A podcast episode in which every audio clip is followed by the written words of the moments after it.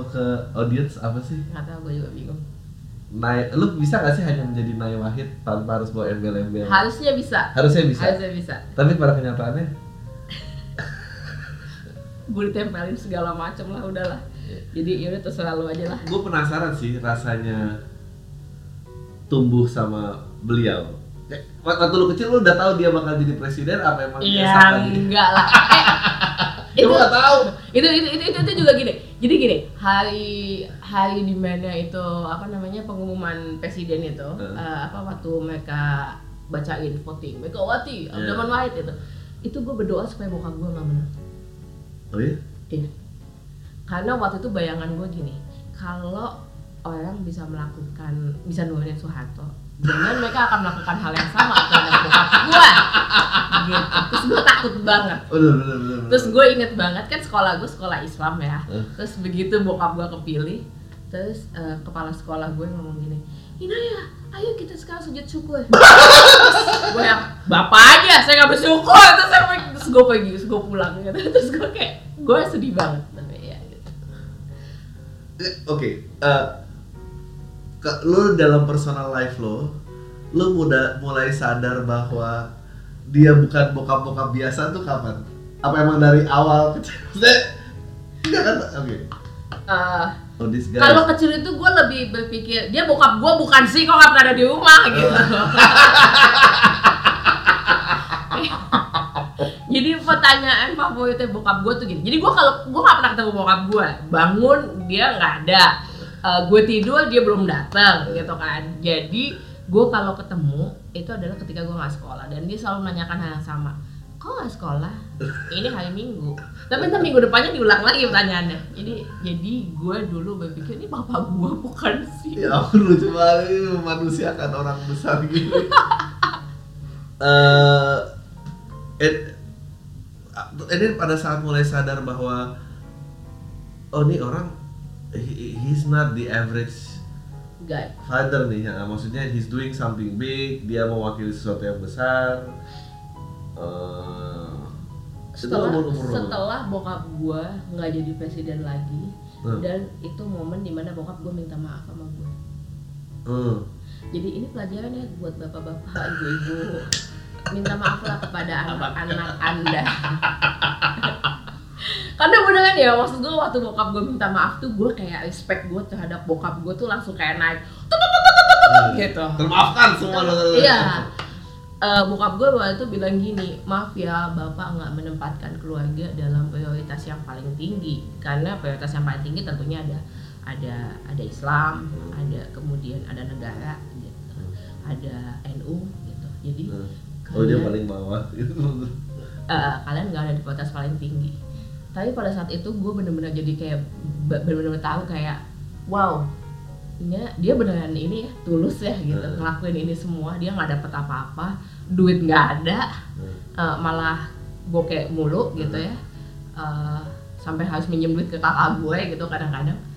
Eh, tapi kemudian nggak mau berhenti dan gue pikir eh, detik itu juga gue setelah bokap gue minta maaf gue berpikir gini kalau gitu seharusnya bokap gue nggak perlu ngelakuin ini sendiri Mesti didukung rame-rame bareng. iya Oh. situ tuh gue kayak titik balik cie Cepet banget ya kedewasaan ya. iya gue mendapat epiphany. Tapi beliau itu kan eh, presiden kedua Sabi Soeharto. Jadi Habibie dulu masa transisi and then eh, kita pemilu masih pakai partai waktu itu. Mm-mm. Eh, and then terjadi koalisi di dalam and then dia tiba-tiba keluar eh, jadi pemenang pemenang. Eh, padahal ada ah, ini ya apa kuda hitam. Ya padahal kuda hitam lah. Eh, tapi kayak keprogresifan eh, kearifan itu emang udah dari dulu begitu beliau orangnya apa emang? Iya banget banget.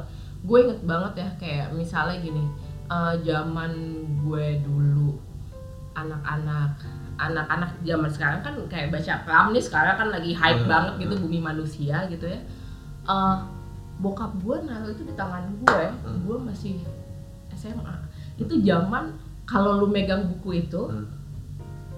lu dikejar-kejar ya sama Soeharto gitu Iya. Nah, bokap gue tuh dikasih bukunya ke gue. baca gitu. Hmm. Jadi emang udah progresif banget gitu. Jadi kayak misalnya eh, biasa tuh buat gue tiba-tiba ada serombongan orang kelompok minoritas apa atau Hmm. habis dikenai persekusi atau apa segala macam tiba-tiba nongol di rumah Hmm. dikasih apa namanya perlindungan sama bokap itu biasa banget. Jadi gue udah udah terpapar sama hal kayak gitu emang dari kecil. Oh, nggak gua gua as a comedian now ngelihat dia dan klip-klip lamanya, gua tuh jadi realize bahwa eh anjing orang ini emang mendahului masanya nih. Dia nih kenapa humoris karena yang dia pandang, yang apa yang dilihat ini tuh semua gak make sense. Lu tuh ngapain sih kayak gini gitu? Dan dia berusaha play along dalam situasinya gitu. Nah orang nggak bisa menangkap itu Hmm. jadi kesannya dia nge- ngenyek kan kayak kayak nyindir halus Iya. gitu. Padahal buat dia kayak ini konyol banget sih Iya. kayak gini. gitu. Ah, apa sih lu gue tau ya lu Iya, gitu, gitu. kan bawaannya gitu. Iya, iya. Dia emang kayak gitu ya. Emang orangnya juga dia orangnya galak atau apa orang gimana? Nah, eh, gini, karena kita orang Jawa Timur ya, jadi Hmm. kadang cenderung keras, Keras. keras as in kalau ngomong keras, Hmm. kenceng gitu ya. Tapi nggak galak, Enggak galak. nggak galak. Tapi dia emang tegas banget. Kalau ada hal yang dia nggak suka, dia nggak suka. Hmm. Dan dia ngomong, dia bukan orang yang basa-basi. Tapi somehow kalau gue lebih menyukai itu dibandingin ada nih misalnya eh, tokoh atau presiden yang eh, semua orang tahunya dia senyum mulu gitu. dia senyum, dia seneng senyum. Dia kayak people person tapi sebenarnya begitu lo personal ketemu dia enggak gitu. Waduh, waduh, waduh, waduh, waduh, waduh. Gua udah tahu di bapak Gue lu nggak gitu. nyebut nama, gue nggak nyebut nama. Nah, tapi lu pe- pernah nggak merasa bahwa eh gue juga ada hak lo buat menjadi diri gue sendiri tanpa harus ada embel-embelan itu. Lu bisa mengikhlaskan itu. Kan? eh gini aja deh yang paling kecil ya Yan ya. Hal yang simpel aja nggak usah lah gue nuntut kayak let me let me be ya. me gitu. Nggak usah yang gede-gede deh. Gini aja nih gue mau ke makam bokap gue Eh, udah gue cuma pengen di makam sendirian aja. Hmm. ngobrol sama bokap gue nggak bisa. Nggak bisa ya? nggak bisa gitu. Kayak gue dulu mikir oh oke gue nyampe makam maghrib penuh orang oh ya ntar aja deh mungkin habis sisa. Habis sisa masih penuh orang mungkin tengah malam. Tengah malam penuh orang oh ya mungkin eh, jam 3 pagi. 3 pagi penuh orang udah gitu aja terus. Jadi ya pada akhirnya gue mengikhlaskan kalau hidup gue hidup keluarga gue tuh emang emang begitulah adanya. Kayaknya bukan bukan hanya konsumsi pribadi gitu. Dari berempat yang tidak dipakem eh, kemanusiaan atau politik atau keber- ke- pergerakan ada nggak? nggak ada Nggak ada ya? Nggak ada. Semua ada di situ ya? ada termasuk nyokap Eh, Iya terus nyokap betul. Mm, jadi berlima Nggak mungkin jadi karyawan kantoran gitu. Itu I wish I wish gue cita-cita gue itu Tapi nggak akan mungkin bisa juga. Lo pernah mencoba nggak untuk bekerja seperti biasa aja seperti orang normal? Eh, gini Seperti orang kayak seperti orang normal Eh, kayak dulu gue bahkan gini nggak usah kayak gitu ya kayak misalnya gue ngecat rambut gitu ya terus gue kayak ya udahlah ikuti norma-norma Hmm. gitu apa segala macam tapi ya nggak bisa sih ujung-ujungnya emang eh, ya meskipun lo tetap jadi apa ya bagian dari publik dan gue sudah mengikhlaskan bagian itu tapi in the end kita udah kebentuk sama si Hmm. si apa yang dibawa om bokap jadi ya. Terutama gini terutama pasca bokap meninggal pasca bokap Ya. meninggal itu kita didatengin banyak banget kelompok-kelompok minoritas terus mereka ngomong gini terus sekarang setelah nggak ada bapak siapa yang melindungi Hmm. kami minta perlindungan dari mana Terus kita mau ngomong apa Hmm. Terus kita mau bilang ya kita aja butuh perlindungan gitu kan juga nggak bisa Hmm. jadi ya kayak contohnya gini nih kemarin waktu pemilu tuh ya itu banyak banget tuh kelompok-kelompok yang Hmm. nanya ke kita nanti bakal ada kerusuhan nggak nanti bakal ada ini nggak kita gimana kita takut gitu gitu ya mau nggak mau kita tetap harus ada buat mereka Gue ingat salah satu hal yang paling drastis pada saat beliau menjabat itu mengakui Konghucu bukan kepercayaan lagi, Eh, mengakui eh, dan ah, karena Konghucu dan Imlek dijadikan libur nasional. hmm. Eh, ada waktu itu yang sedikit bukan kontroversial ya. Beliau kalau ada libur di tengah minggu, minggunya di, di, harinya digeser. Jadi lu nggak ada lagi tuh hari kejepit, hari apa pokoknya mepet udah kerja efektif segitu. dudut. Eh, d- dan ya betul bahwa yang yang dibela tuh banyak yang yang minoritas gitu. Nah, lo yang tumbuh gitu ya besar menyaksikan beliau menjabat pas terus bo- bokap akhirnya pass away, ngelihat keadaan sekarang lo kayak apa rasanya?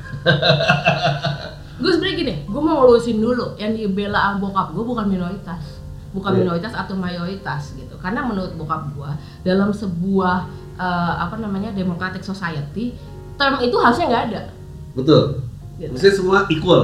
equal nah Betul. yang sebenarnya yang dibela bokap gue itu kan equality-nya kan Oke. gitu Eh, kesetaraannya kemanusiaannya Betul. gitu itu yang dibela bahwa faktanya kelompok yang kemudian minoritas itu yang biasanya dikenai oleh eh, dikenai kekerasan Iya, iya. oleh oleh mayoritas nah itu yang kemudian dibela Hmm. sama bokap gue Eh, jadi jadi gue lupa pertanyaan lu sebenarnya apa Enggak lu ngeliat Oh, yang sekarang. Yang progresif sekarang. macam, Nah, yang sekarang itu nggak kejadian. Hmm. Yang yang terjadi adalah mayoritas kemudian ngerasa jadi kayak berhak untuk ngelakuin apa-apa.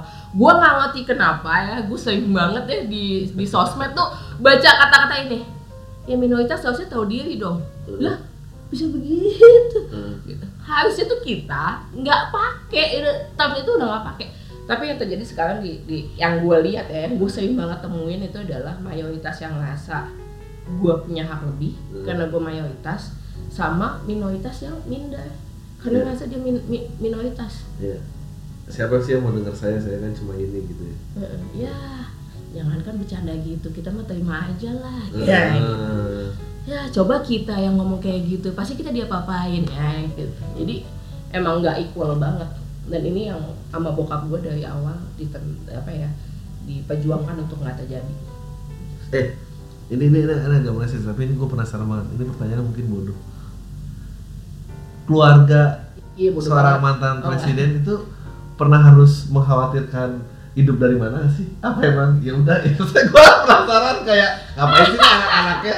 Eh ini apa emang udah hidup terjamin aja apa gimana sih? Enggak lah, Enggak enggak. ya? Eh gue nggak tahu ya. Maksud gue gini, Ya paling gak apa? gue nggak bisa bicara untuk anak-anak presiden yang lain karena bokap gue tuh beda banget Eh. bokap gue begini bokap gue itu he didn't make any money out of his ini position gitu. Oh, iya. mau posisinya apa kayak presiden kayak ketua PBNU kayak apa kayak dia nggak nggak nggak nggak nggak nggak nyari itu gitu jadi dulu waktu jadi presiden juga gajinya nggak diambil misalnya gitu-gitu jadi Wow. ketua PBNU juga dia nggak nggak dapat uang gitu dia dapatnya dari hal-hal yang lain gitu.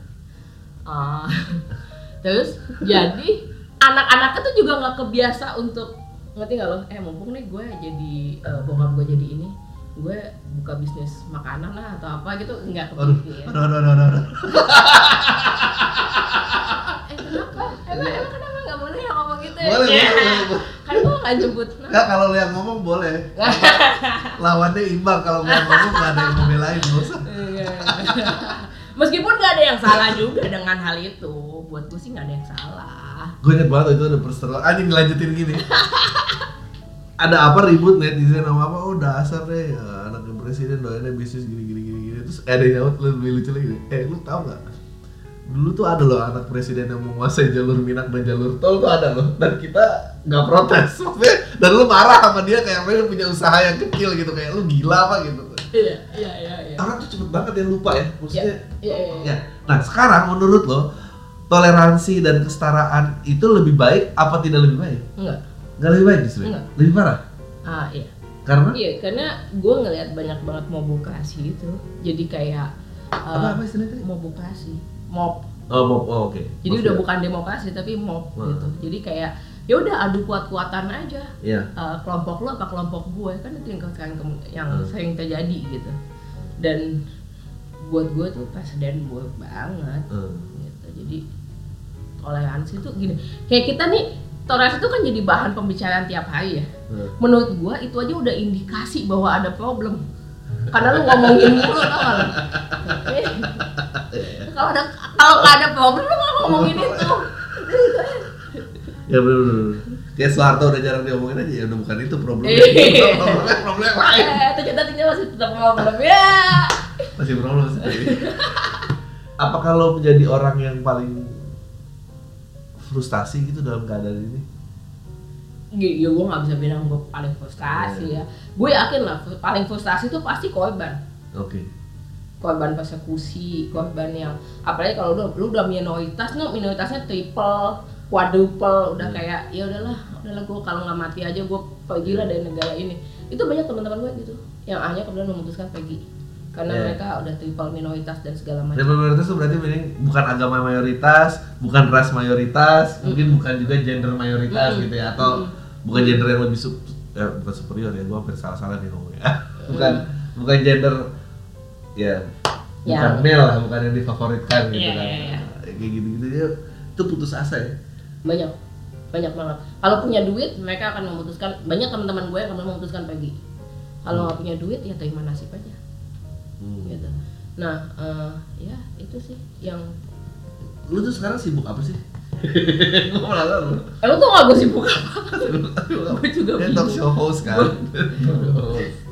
gue ya gitu kalau ya paling yang rutin talk show host Hmm. misalnya gitu ya terus kemudian uh, campaigning Hmm. untuk untuk kayak itu keberagaman dan bla bla bla bla gitu Hmm. lah gitu terus uh, yang pasti oh nih kita lagi persiapan mau bikin festival film Madani untuk Hmm. tahun kedua Hmm. gitu Apa aja yang di feature? Festival, Festival Film Madani itu kita memutarkan film-film yang berkaitan dengan uh, pengalaman keislaman Hmm. gitu ya Uh, dan uh, Islam dari berbagai macam sudut pandang Oh. gitu supaya orang tahu kalau Islam itu sudut pandangnya nggak cuma satu gitu Jadi meskipun eh, tergabung dalam agama mayoritas pun pendiriannya belum tentu yang mayoritas ya gitu. Eh itu itu bokap gua banget tuh. Dia tuh privilege. Eh bokap gua tuh kalau alasannya zaman sekarang SJW banget ya gitu. tapi tapi gue sukanya bokap gua karena dia menggunakan privilege-nya terus kemudian untuk untuk, Untuk orang benefit lain. of others gitu sih. Kenapa menurut lu lebih gampang bikin orang eh, benci terhadap eh, satu kaum gitu dibanding dia berempati? Kalau menurut gua pribadi sebenarnya mungkin effortnya sama-sama aja. Effortnya sama-sama aja untuk benci yang untuk. Cel. Ah, Iya. Mungkin Oh, iya. effortnya eh, nggak jauh beda lah gitu. Tapi menurut gua ketika lo benci banyak yang bisa kapitalisasi gitu. Yang banyak Hmm. orang yang berpikir oh ini bisa gua kapitalisasi. Bisa gua goreng isinya bisa ini. Dan itu banyak terjadi di Indonesia. di apa gue juga nanya nanya ini gue ngobrol itu uh, tamunya dari Amnesty International jadi eh apa sih yang harus dikerjain duluan tuh apa gitu kemakmuran dulu baru orang ngerti orang lain apa dia sih nggak setuju kalau nunggu makmur dulu baru lu baru bisa ngerangkul ngerangkul yang lain karena buat tapi kalau nggak makmur dulu terus gimana Lu, caranya lu, lu nanya ke siapa? Kalau lu nanya ke teman-teman Papua nih, Hmm. jawabannya jelas. Hamanya dulu. Ham aja dulu ya Kalau mereka belum dapat, ya benar lu mau ngomongin makmur. Gimana gua mau makmur? orang hidup aja bingung gitu hidup kan. aja gue susah Hmm. hidup aja gue nggak tahu apakah misalnya gue akan hidup atau enggak gitu nah sebenarnya kan itu kan yang dulu dilakuin sama bokap gue makanya gue suka banget pendekatannya bokap gue terhadap Papua eh gue cerita dong Iya boleh. cerita. gue suka banget soalnya Gue kemarin artikelnya mulai keluar lagi. iya jadi eh, bokap gue itu dulu waktu sama teman-teman Papua itu waktu bokap gue kepilih dipanggil lah mereka Hmm. dialog diajakin ngomong maunya apa itu mereka bikin cerita cerita ke gue langsung pada saat bokap gue habis meninggal gue datang ke Papua mereka cerita oh itu pertama kalinya kita dipanggil Hmm. ditanyain maunya apa Hmm. gitu kan terus ya udah kita maunya pisah terus bokap bilang eh nggak usah nggak usah nggak usah ngomongin pisah lah Hmm. kalau kita nggak pisah maunya apa gitu. Hmm. Eh, Kayak marriage counselor ya terus. itu poinnya jadi Hmm. makanya gue nana nana dulu. Terus udah. Terus mereka bilang ya udah dong balikin identitas kita. Hmm. Waktu- mereka kan kita nggak suka dibilang Irian kan? Iya. Nama itu bermasalah buat mereka. Betul. ya, terus bokap bilang ya udah kalau gitu ganti Papua. Balik lagi ke Papua. Betul. kan kalian emang identitasnya itu. Ya udah kalau gitu kita boleh dong naikin bendera bintang kejora. Kata bokap ya boleh naikin aja. Tapi nggak boleh lebih tinggi dari merah putih. Itu aja. Tapi boleh naikin bendera bintang kejora itu ya yang cerita ke gue Pak Tom Benal itu Hmm. dia sampai ngomong gini dulu zaman sebelum sebelumnya ya mungkin sesudahnya juga sesudah bokap gue itu lu mimpi mimpi di mimpi lu ada bintang kejora gitu ya ada bendera bintang kejora lu bangun besoknya ditangkap Udah keringet dingin tuh ya Iya. pikiran. saking nggak bolehnya gitu Betul. Eh bokap gue cuman alasnya cuman cuman simpel aja. Lah masa PSSI aja punya bendera? Papua nggak boleh punya bendera. Simpel as that. Ya lu bayangin deh, OI aja punya bendera, Slankers punya. Masa Papua nggak boleh punya? Bagus banget. Maksudnya very comedic gitu pendekatannya. Enggak, berat. Salah satu yang kejadian ada lagi adalah pengembalian semua ke nama ya identitas gitu. Papua eh, ujung pandang jadi Makassar. Sih? Poinnya itu haknya dibalikin dulu. Jadi Iya, gini, betul. bokap gue itu instead of kan sebelumnya pendekatannya gini ya. Oh, lo ngajak pisah. Hmm. Berarti lo Pemberontak. pemberontak. Lo salah.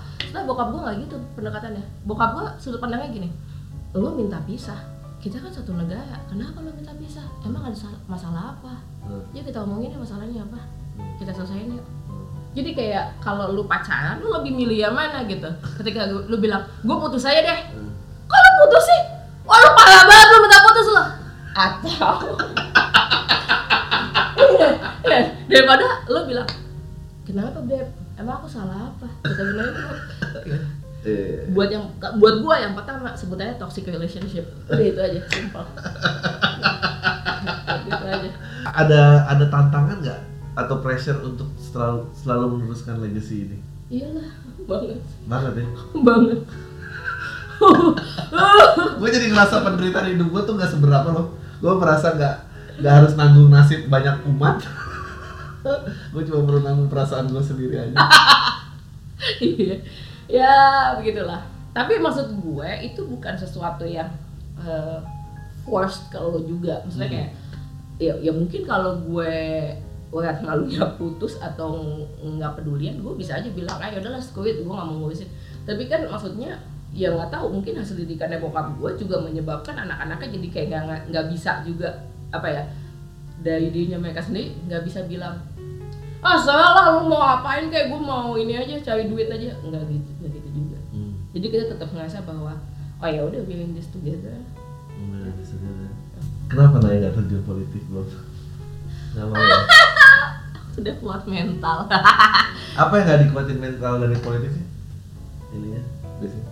karena gue udah melihat betapa besar damage yang dilakukan politik terhadap keluarga besar gue Hmm. Gue udah lihat damage gimana bokap gue di kick out dari partainya sendiri gitu ya dan dihabisi oleh keluarga sendiri gitu. Hmm. Eh, dan gue traumatik banget. Hmm. gitu. Jadi enggak deh. Makasih. Dan gue sih ngerasa kalau politik itu malah akan mempersempit ruang gerak gue harus akan- gue akan bawa nama partai gue akan terus kemudian bisa jadi tersandra kepentingan-kepentingan politik. Enggak deh. Terima kasih Tawaran banyak nggak tuh? ah Banyak banyak ya. lah banyak sekali gue tuh selalu penasaran kayak mungkin nggak ya orang yang misalnya datang dari ini agak lari sih bukan dari eh, nama besar atau tidak ini terus sampai di notice eh, partai politik orangnya diminati tuh orang kalau orang yang biasa tuh harus ngapain? ya kan banyak sekarang teman-teman PSI banyak yang begitu Oh iya. gue ngobrol sama lo nggak tahu ngeledek apa enggak sih sumpah. Tonton Messi banget itu tuh ap- apa maksudnya? Nggak ada Ya, prestasi gini, tapi di sana bukan bukan bukan bukan. Nggak punya nggak punya nasab politik Oh, punya, gitu. oke. nggak yang orang tuanya ada di situ terus kemudian mereka Oh. jadi ikut meskipun gini kalau buat gua nggak ada nggak ada eh termasuk gua sendiri juga sebenarnya nggak nggak akan bilang gini wah gua nggak akan pernah di politik. Hmm. paling nggak saat ini gua nggak milih di situ. Nah eh gua paham kenapa orang kemudian oh ya udah nih anaknya si ini misalnya politisi Hmm. eh, dijadiin aja gitu. karena dia terpapar jadi Hmm. maksud gua kalau buat gue sendiri sih itu bukan sesuatu yang gua antipati lah kalau emang anaknya punya bakat juga kalau emang anaknya juga cukup oke terus kemudian apalagi ada kalau menurut gua ya kalau lu nggak lahir di keluarga politik misalnya Hmm. Lu kan harus mencari sendiri. Hmm. aksesnya mungkin nggak sebanyak yang Hmm. lahir di situ jadi buat gua nggak masalah sih yang penting kan ada kredibilitas yang penting kan lo integritas rekam jejaknya bagus itu aja Tapi lo gak mau saat saat ini enggak Baca orang politik pernah? Tiba-tiba personal Eh, semacam itu pernah ya itu pernah Ah. Eh nggak, tapi gue penasaran kayak Itu kalau Gimana cara mem- membelah Antara personal relation sama gagasan yang berbenturan Oh enggak ya, kalau udah dipacarin berarti kira-kira mirip ya? Oh, oke. nggak nggak nggak juga, nggak juga, nggak juga. tapi maksud gua itu kan ya kan demokrasi di situ kayak lo nggak nggak perlu sama sama gua juga lo nggak perlu sepakat sama gua juga menurut gua kunci demokrasi ya lo kita perlu sepakat untuk nggak sepakat Hmm. Ini kompleks ya, maksudnya Iya. kayak gue cukup beruntung ki- kita papas-papasan gitu. Tapi kayak rekam jejak lo hidup lo dan rekam jejak hidup gue tuh jauh banget dan kayak gue berusaha memahami anjing ribet ya maksudnya relationship aja pasti jadi ribet nih gitu. Gua nggak tahu siapa yang lebih beruntung sih sebenarnya. Ya gue juga nggak tahu gue juga nggak tahu. Eh, di satu sisi eh menja- lo memiliki akses untuk melakukan hal-hal perubahan besar eh, referensi yang mendahului kemajuan zamannya tapi bertanggung jawab akan hal besar di sisi lain ya gue tidak punya akses itu. Maksudnya gue berdamai dengan diri gue yang berkecamuk aja kan itu udah setengah hidup gue tuh boro-boro mikirin progresif. Ya begitulah. Tapi ya nggak tahu apakah aspek personal lo jadi lebih terurus apa enggak gitu.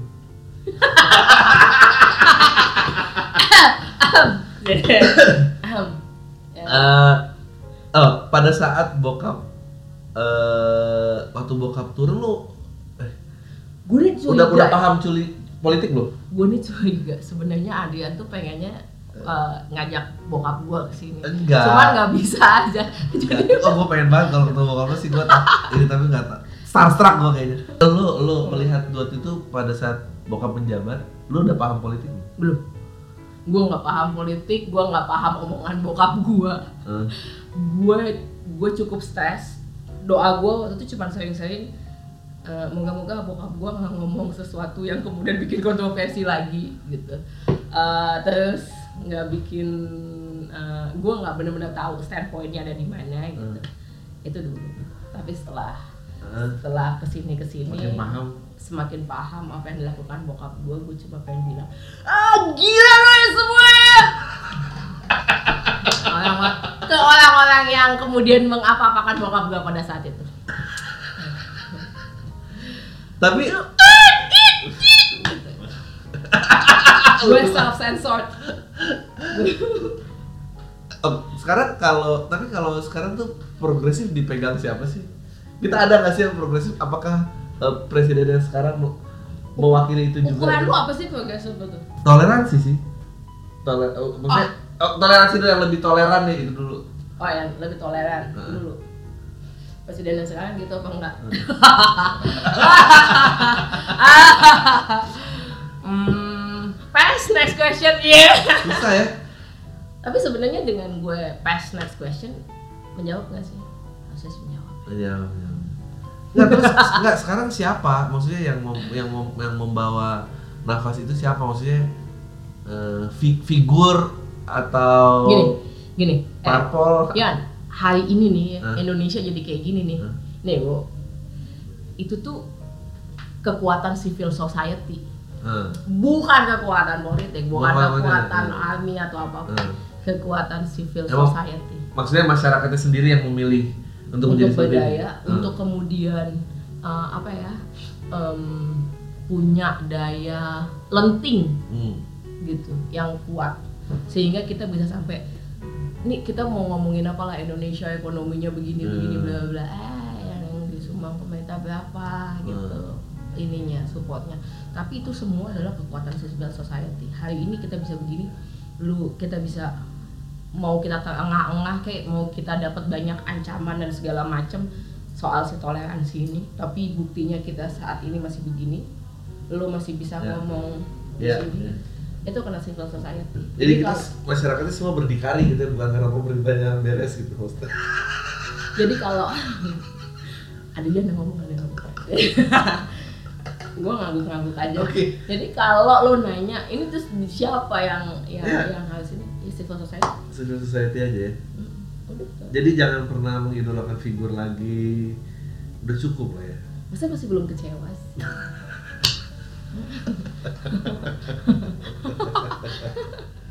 lu kan orangnya not your so typical anak presiden ya nggak nggak ada tambahan udah itu gini tau banget apa sih dia sedih banget gua. Terus terus terus.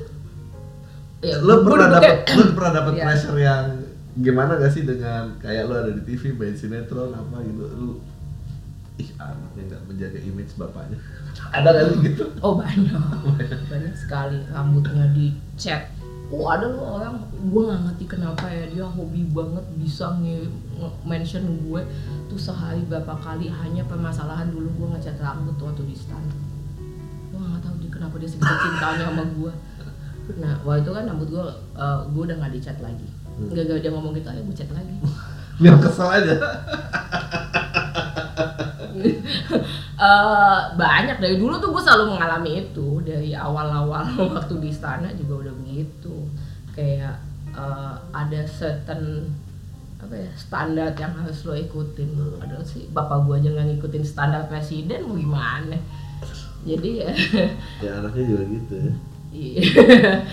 ya udah lu tapi find the strength untuk terus jadi lu gitu gimana? Karena gini dulu gue punya fase di mana gue nggak ngikutin itu lagi. Kayak gue ya udahlah gue conform conformity itu apa eh, berserah. berserah pada conformity pada society bahwa ya udah society maunya gue begini. Ya lama-lama gue stres sendiri lah. Terus kayak terus- dan gue tetap dicela-cela sama mereka. Terus gue kayak ya udah sih ya lo mau gue ngapain juga lo tetap ngomongin lo tetap Hmm. ngatain ya udah mendingan gue give them something to talk about lah lebih lebih seneng jadi dalam bagian keluarga politik apa jadi seleb? Oh sorry, gue pengen tahu, gue pengen tahu how fame itu impact ke lo gitu. gue tuh pernah punya fase gue kaget banget ya waktu gue gini gue tuh sebenarnya udah jadi pemain teater kan udah lama Iya, ya gue sempet main sama uh, bininya Adian Hmm. juga gitu Eh, terus tapi tiba-tiba waktu gue main di TV gitu ya terus tiba-tiba identitas gue berganti. Terus gue kayak satu hari gue lagi jalan terus gitu ada orang ngomong gini eh itu kan Inaya yang di ini. Terus gue kayak shock banget gitu identitas gue berubah dari selama ini. "Eh, ini kan anaknya Gus Dur. Gitu terus kayak tiba-tiba berubah jadi si orang yang main di ini. Terus gue selama dia minta foto dalam kepala gue gue tuh pengen ngomong gini eh tapi gue anaknya Gus Dur juga loh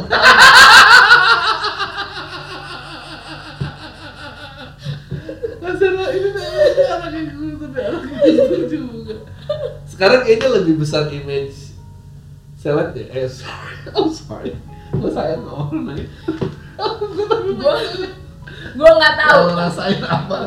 Eh, ya akhirnya orang jadi umum aja sih pokoknya aja lewat gitu tapi mostly orang tetap merefer gue pada eh, sebagai anak Dur. Oke, ini masih bagus lagi. Le- Lebih ada maknanya lah daripada lo tiba-tiba Lebih- KOL. ya, ya tergantung juga gue kayak lebih sedih lagi ternyata udah jadi 100% KOL ya. ya tergantung juga maksud gue gini kayak eh, lu juga kadang-kadang sama kayak ngerasa kok gue kayak nggak punya identitas banget sih gitu Iya. Tapi kan lo juga nggak mungkin dong bikin konten tentang ngecat rambut di YouTube, nggak di situ dong levelnya. Hmm. Pengen diri jadi bisa sendiri. aja sih Eh, ini apa namanya how to a- apa sebutannya Eh, tutorial tutorial ngecat rambut untuk anak-anak presiden jadi kalau ada anak presiden lain yang cukup gila ya selain anak kayak Gus Dur nanti gue kasih tutorialnya Ya udah cukup sih gue. Oh, pas banget. Pas banget. Pas banget.